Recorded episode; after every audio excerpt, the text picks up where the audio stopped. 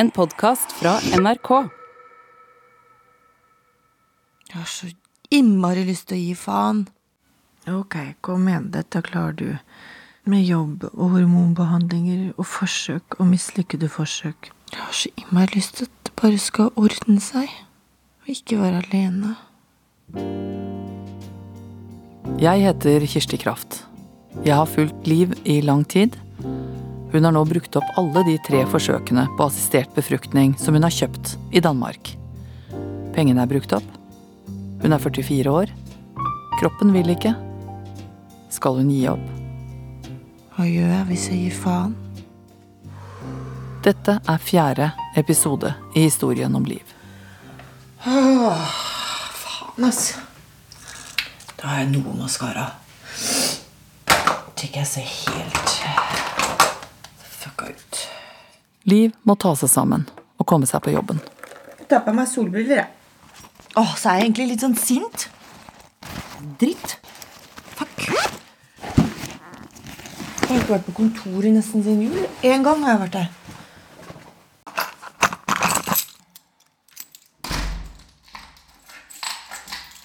Det har blitt mye hormoner og opp- og nedturer de siste årene. Sorgen over Sebastian er fortsatt sterk. Det tar på. Følelsene veksler veldig fort, og akkurat nå har Liv en dårlig dag. Det går faktisk ganske bra på jobben. Men om ettermiddagen ringer moren hennes. Nei, tror ikke du skal Du skal ikke forandre på deg selv. Det er ikke det jeg mener. Du skal bare bruke noen verktøy for å så løse sånn som du er, på en litt ny måte. Ja. At du løser hverdagslivet ditt litt annerledes. ja, jeg tror du har et veldig godt poeng. Samtalen handler om all griningen. Liv er enig at hun griner for mye. For jeg kan jo altså jeg kan jo jeg kan jo holde på sånn som jeg gjør, fortsette, men, men du har helt rett at jeg, jeg kan eh, Jeg blir fryktelig sliten av det. eh, og, og det er veldig sånn ukontrollert. At andre vil tenke at Men kjære deg, hvor lenge skal hun holde på sånn? Ja, men det kan absolutt tenkes. For hvis du altså skal gråte hele tiden, hver dag nesten, da blir det slitsomt for oss og din omverden. Ikke for meg. Det, altså, det gjør ikke meg noe. Men jeg kommer ikke til å si 'stakkars liv' hver dag. Nei. Ikke sant?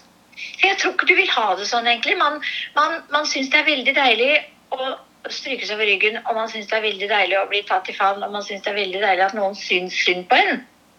Men så tar det slutt til slutt, altså. Tøff kjærlighet. Liv hører på moren sin. De har delt mye. Ja. Men hva er det verste for deg nå? Det er jo bare at jeg føler at den tida bare løper av gårde. Jeg skjønner det. Da skulle jeg, skulle jeg faen meg ha født. Men, men Dette skal ta så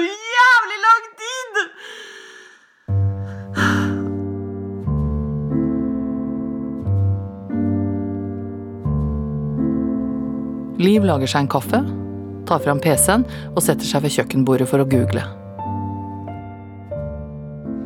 Nå ringte faktisk Ullevål tilbake også. Sånn at nå har jeg på en måte fått det sånn svart på hvitt at det ikke er noe hjelp for meg å få i det offentlige. Så jeg sitter her og scroller og googler og Og du har jo denne klinikken som da tilbyr Jeg får litt sånn vondt i magen av det her, men um, 100% guarantee of life birth. If no baby is born within limited number of attempts included in your package, we, refund 100% of your costs paid for the package. Det finnes mange rare fertilitetstilbud på nettet. Liv bruker mye tid på å lete og tenke framover, men samtidig er det snart ettårsdagen til Sebastian. Hvis han hadde fått leve. Hun har tenkt mye på det også. Hvordan hun skal gjøre det. Det er en vanskelig dag. Hun ønsker å markere den. Og så gjør vi klart den lukten, og så når, når vi sender opp den, så synger vi 'Ditt hjerte er ditt'.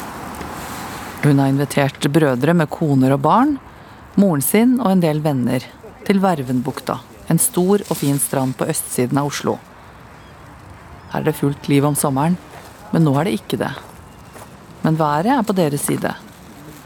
De tar fram tepper og sitteunderlag, vedkubber til bål og sangbøker til allsang. Markeringen av Sebastians dødsdag blir en påminnelse om hva hun lovte i begravelsen hans. Hun sa den dagen at han skulle få et søsken. Hun lovte han det. Jeg har litt lyst til også at vi skal samles, og så har jeg litt lyst til å si noe. Så det er kanskje fint å samles rundt det bålet, da. Det er jo en eh, rar dag og har vært et rart år. Jeg har ikke tenkt så veldig nøye på hva det er jeg skal si, så jeg skal ikke si så veldig mye. Men eh, jeg er veldig glad for at vi er her. Og så vil jeg bare takke for ja, for at dere er familien min. Selv om det har vært et skikkelig drittår. Moren til Liv har med seg en lykt av papir. Det er en skikk de har i Østen, forteller hun. Der samles de, så tenner de lykten og sender den opp i luften for å minnes de døde. Det er sånn kjærlighetsfargen da, som alle lykter har. Det er jo rett og gul. Og når de slipper lykten da den farer oppover i luften, synger de Livs kjære sang fra begravelsen 'Mitt hjerte er ditt'.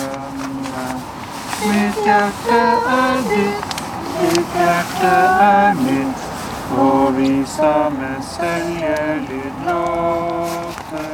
Liv vil fortelle dem noe. Hun har den siste uka bestemt seg for at hun ikke vil gi seg. Hun har funnet en fertilitetsklinikk i Russland som tilbyr noe som kanskje kan fungere for henne. Men eh, Jeg vet jo ikke om jeg eh, klarer å lykkes, men hvis jeg gjør det, så Så håper jeg at dere har lyst til å dele det barnet med meg også. Klart skal det. ja. Så får vi se hvordan det går, om det lykkes med deg. Bare ta på all veden vi har. Blir det ikke stor på Ja, det kan vi godt gjøre. Vil du legge på der? Eh, Flere og flere piler, hvis man kan si det sånn, pekt i retning øst. Ja, etter at hun har prøvd å sette seg inn i hva som kan lønne seg for henne, alderen tatt i betraktning, peker pilene mot øst. Klinikken i St. Petersburg skal være anerkjent. Men eggdonasjon, det er ikke en enkel avgjørelse. Verken følelsesmessig eller etisk. Det er også veldig dyrt og mer radikalt enn det hun har drevet med i Danmark til nå. De setter inn ferdig befruktede egg med både sperm og egg fra donor. Hun har snakket med flere fagfolk. Nå er jeg nesten litt eh, oppglødd, altså. Eh, Nå snakka jeg akkurat med gynekologen. Så føles det nå egentlig bare veldig sånn Ja, det er det jeg skal gå for. Liv googler og ser på kartet at klinikken ligger midt i St. Petersburg. Den er topprated og har en god del positive anmeldelser fra folk som har prøvd dette. Men kan hun stole på det? Åh, alle de historiene der ute. Liv blir overrasket når hun kommer inn på nettet og ser hvor mye fortvilelse det er der ute. Fy søren som folk prøver eh, og prøver og prøver og prøver og mislykkes og prøver igjen. Liv går inn på nettsiden til klinikken i St. Petersburg igjen. Der står det faktisk 100% graviditetsgaranti. Gravid eller pengene tilbake. For det første så er dette her en så enormt stor industri, og det å føle at du er en del av en sånn pengemaskin, hvis man skal sette det på spissen, det er Det provoserer meg, da. Jeg, jeg kjenner at det er noe sånn etisk som blir utrolig utfordra. skal jeg være med på å bidra til dette maskineriet her, uh, som egentlig bare spiller på folks enorme sårbarhet? Og så er det Russland. Det? Er en sånn gammel bestemor i hjørnet med brune foldeskjørt og knestrømper som skal liksom grave opp i fjåsa mi. Altså det Ja. Liv har regnet nøye på det, og hun har trodd at hun har forstått hva det vil koste henne å dra til klinikken i Russland og få behandling. Men nå skjønner hun ikke hva de mener. Hun snakker med moren sin om det. Ja, nei um, Nei, ikke sant. Det, de, det hun sier nå, da, er at um, Da vil hun at jeg skal ta den hysteroskopien og så en sånn annen test i tillegg. Og den koster jo da 840 euro til, så nå er det bare sånn Beløpet vokser og vokser. Liv bestemmer seg for å prøve å skaffe 160 000 kroner. Det er det hun trenger til behandlingen. Og så må hun ha reisepenger og overnatting i tillegg. Ja, ja, ja, jeg sparer helt. Ja, ja, det må man. Nei, jeg har, jeg har søkt banken om, eh, om å toppe huslånet mitt med 100 000. Akkurat sånn som det er nå, så kan jeg liksom klare det. Men da har jeg på en måte ingenting. Og så har også faderen sagt at jeg kan låne 50 000 av han. Det er jo de 160, så er det jo alle medisiner og reise og alt sånt nå på topp. Og det kommer jo sånn gradvis utover, ikke sant? Hun skaffer seg visum til Russland, og det er lettere sagt enn gjort i koronatid. Men hun får det til. Hun må reise to ganger fram og tilbake. Det er det behandlingen krever. Så jeg tenkte sånn Ok, da drar jeg rett dit. Det koster mer, men da unngår jeg den lille turneen innom andre, andre klinikker jeg ikke har tid til. Liv vet at hennes egg begynner å bli altfor gamle. Ikke sant? Fordi mine egg er like gamle som meg. Tiden er å jobbe mot meg hele tiden. Og det å fortsette med mine egne egg, og, som, har- og hvor jeg da har så lav, lave odds da, for å lykkes, det kan jo ikke jeg gjøre. Og så får jeg heller bare som satse på den klinikken som alle sier er best. Det er mer hassle. Altså, liksom visum og altså, alt mulig. Bla, bla, bla. De går grundig til verks i Russland. Pakken de tilbyr, er at Liv først skal komme til St. Petersburg for å pusse opp underlivet sitt. Det vil si å fjerne alle ujevnheter fra livmorveggen.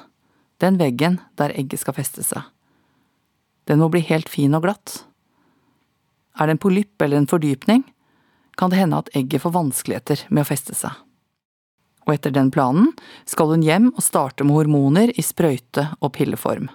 For så å komme tilbake etter noen uker og sette inn egg som på forhånd har blitt befruktet og ligger og venter på henne i en fryseboks. Mm.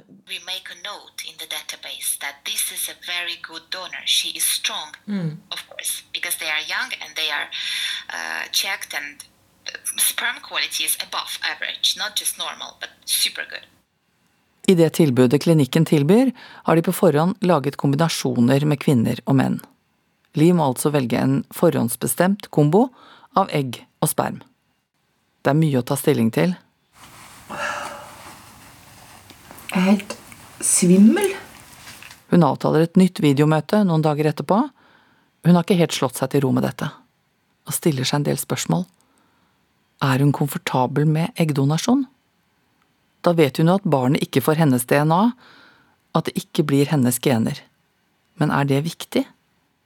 Hvordan skal hun eventuelt si hvis hun blir gravid? Hvordan forteller man sånt til barnet sitt? Uh, I, I, I don't know the the average rate in Russia, but how for the women? Is it is it uh, when you're a donor? Liv er også bekymret for at hun blir en del av et opplegg som utnytter fattige kvinner. Uh, so fee Yeah. uh, for one donation program is like average monthly salary. Kvinnene får en månedslønn for et uttak av egg. Liv slår seg til ro med det. Det høres ikke så ille ut. Hun får også vite at kvinnene må ha fått egne barn før de får lov til å donere bort egg. Uh, our donors are not allowed to donate more than twice a year, Yeah. to to exhaust. So If I if I, if I got pregnant and uh, so how many siblings, you know, would uh, po- potentially be out there in the world? Det finnes mange regler for dette. Klinikken har en egen policy på hvor mange søsken en kombinasjon kan ha. Hun spør og spør, men det er én ting Liv brenner etter å spørre om. Som hun vet at det ikke finnes et ordentlig svar på. Og det er om hun kommer til å lykkes. I I know you can't predict and I know you can, don't know, but I just I really want to ask you what do you think my chances are, but I know you can't answer. Liv har begynt å pakke.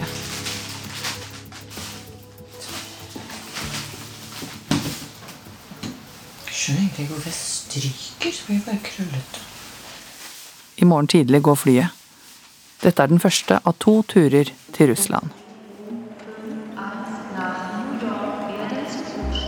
Når hun mellomlander i Frankfurt, har hun orden på koronapasset sitt. Hun har det på mobilen, men de krever at hun skal ha det på papir.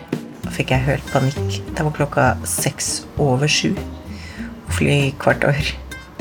Det bare Komme frem til den derre eh, Ser liksom at det står Lufthansa Service. Can I print here? Can... Og da sto den i kø, så bare It's back there. Og så står det en printer, og da står det tre like svette karer. But it's five minutes to my plane is leaving. Mine too, sa han ved siden av.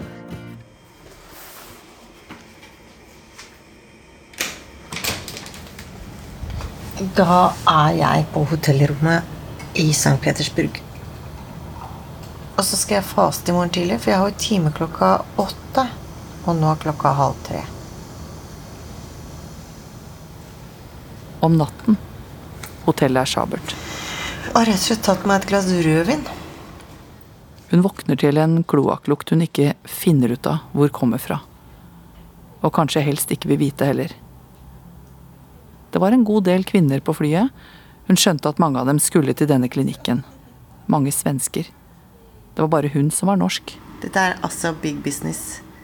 Klinikken har booket en hel gjeng samtidig. Det er nok nøye tenkt ut at kvinner skal bli kjent og føle at de hygger seg sammen gjennom oppholdet.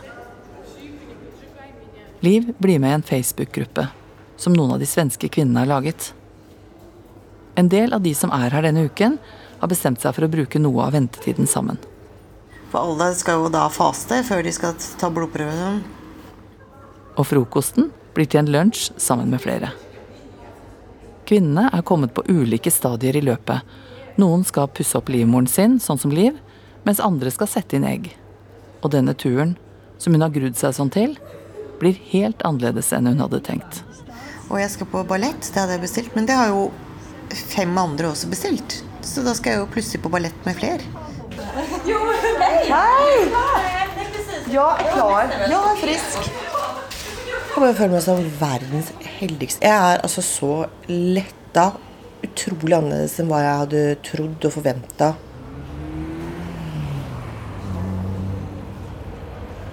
Liv har vært ute med alle de svenske damene. Nå må hun en kjapp tur innom hotellrommet før hun skal på røntgen. Det er over 30 varmegrader i St. Petersburg disse junidagene. Hvordan gikk det? Ok, Frida, nå må du fortelle. Hvordan var det å ta røntgenbilder av puppene dine? Ja, jeg har nå stått naken fremfor en rysk røntgenmaskin og vridet meg og andet og undret hva i helvete har jeg gjort? Men nå skal det skje, det som livet har kommet hit for. Den siste dagen skal de gjøre inngrepet. Hun skal få narkose. Livmoren hennes skal bli ung og glatt. Så skal jeg kle av meg. Og så skal vi ligge der etterpå da, og sove ut rusen. Liv får full narkose. Det tar ikke lang tid før hun våkner igjen. Hun er omtåket og uvel. Og så sitter jeg, ligger jeg i en sånn seng og våkner. Herlig fred, ass. Jeg blir så jeg, jeg blir, jeg, Det er akkurat som noen har bare revet av deg all huden.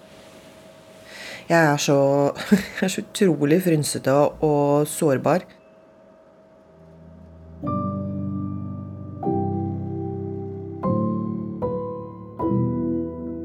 Det har vært en vanskelig vurdering dette for Liv. Om hun skulle gå for eggdonasjon. Men da hun fikk nokså klar beskjed om at eggene hennes ikke kunne brukes mer, var det bare to valg. Enten å avslutte, eller å gjøre dette. Etter mange samtaler med venner og familie, og noen våkenetter, bestemmer hun seg for denne varianten. Og så var det det med å reise til Russland. Det hadde hun også gruet seg til. Men det ble jo en opptur. Å treffe alle de andre kvinnene og høre deres historier fram mot sine beslutninger. Og nå skal hun hjem og proppe i seg hormoner. Og gjøre kroppen klar for å ta imot et embryo.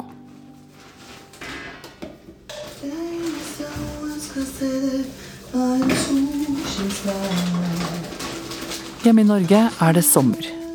Det er juli, med 28 grader i lufta og 22 i vannet.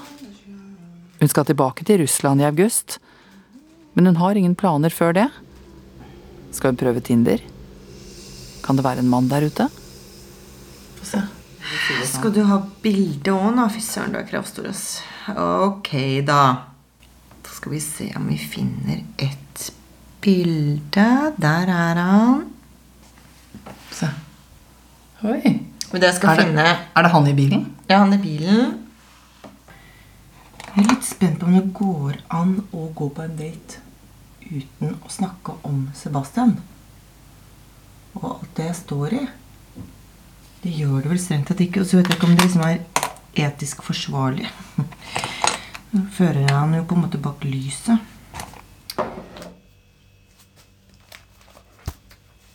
Åh, for et dritthår! Jesus. Åh.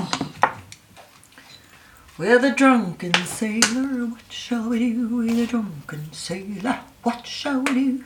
Men eh, jeg var faktisk Jeg har vært på to forskjellige dater. Og så skal jeg da på date med han nummer to nå. Han var på en måte ålreit, men ikke ålreit også. Han snakket veldig mye om seg selv. Liv ringer kompisen sin Lars. Ja, men en halvtime inn i andre daten, og han har fremdeles ikke spurt Du, hva var det du het igjen? Så, så, Han vet hva jeg heter. så kan det være sånn Ja, men du skjønner altså, meg, kanskje? Poenget er at han, det er jo ikke, han var jo ikke helt tapt bak ei vogn. Er du gæren? Men det er bare, bare veldig, veldig skeivt. Og jeg tror på en måte ikke han skjønner at han gjør det, da. Ja. Det er altfor krevende å date nå. Liv har hodet og hjertet et annet sted om dagen. Andre folk får bare barn, og da kommer de med det utseendet og de egenskapene de har. Man må bare ta det og forsone seg med det barnet man får. For Liv blir dette annerledes. I Danmark, der Liv har vært, og i og for seg i Norge, er alle donorer anonyme. Vil si at man krysser av på et skjema for ønsket øyenfarge, hårfarge, vekt, høyde osv. Og så velger legen en donor basert på de ønskene. I Russland er dette annerledes. Liv har fått tilsendt masse informasjon om de enkelte donorene. De har svart på alt fra hva de liker å holde på med i fritiden, til sykdommer i slekta. Og dette er det Liv må gå gjennom nå, for selv å velge. Så det der å prøve å liksom skjønne og fange hvem er dette mennesket, det er jo ikke så lett, da.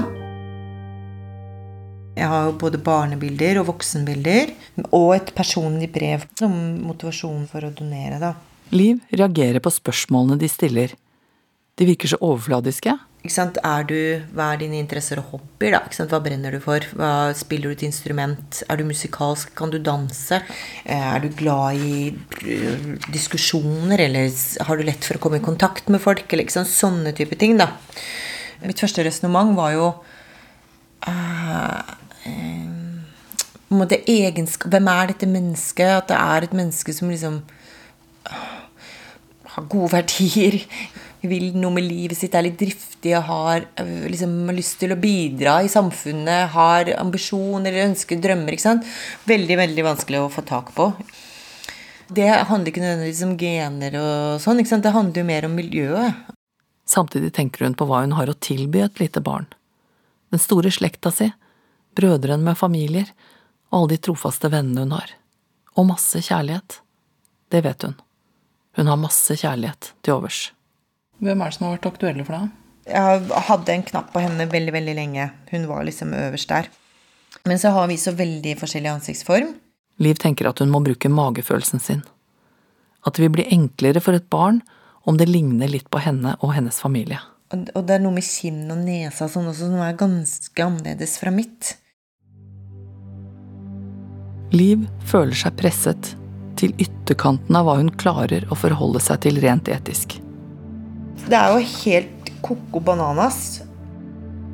Det er ikke sånn man skal tenke om mennesker. Man skal ta imot det som kommer, og være glad for det. Men hun må bestemme seg. Ganske fort. Det er dritsjukt.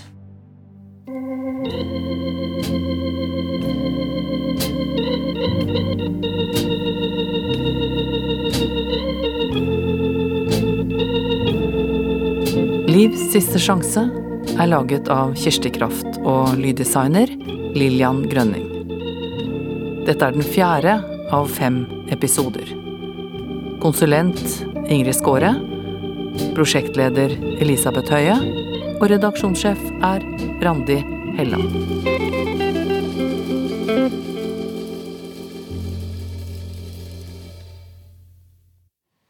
Du har hørt en podkast fra NRK. De nyeste episodene hører du først i appen NRK Radio. En podkast fra NRK. Hei, jeg heter Eivind Sæther.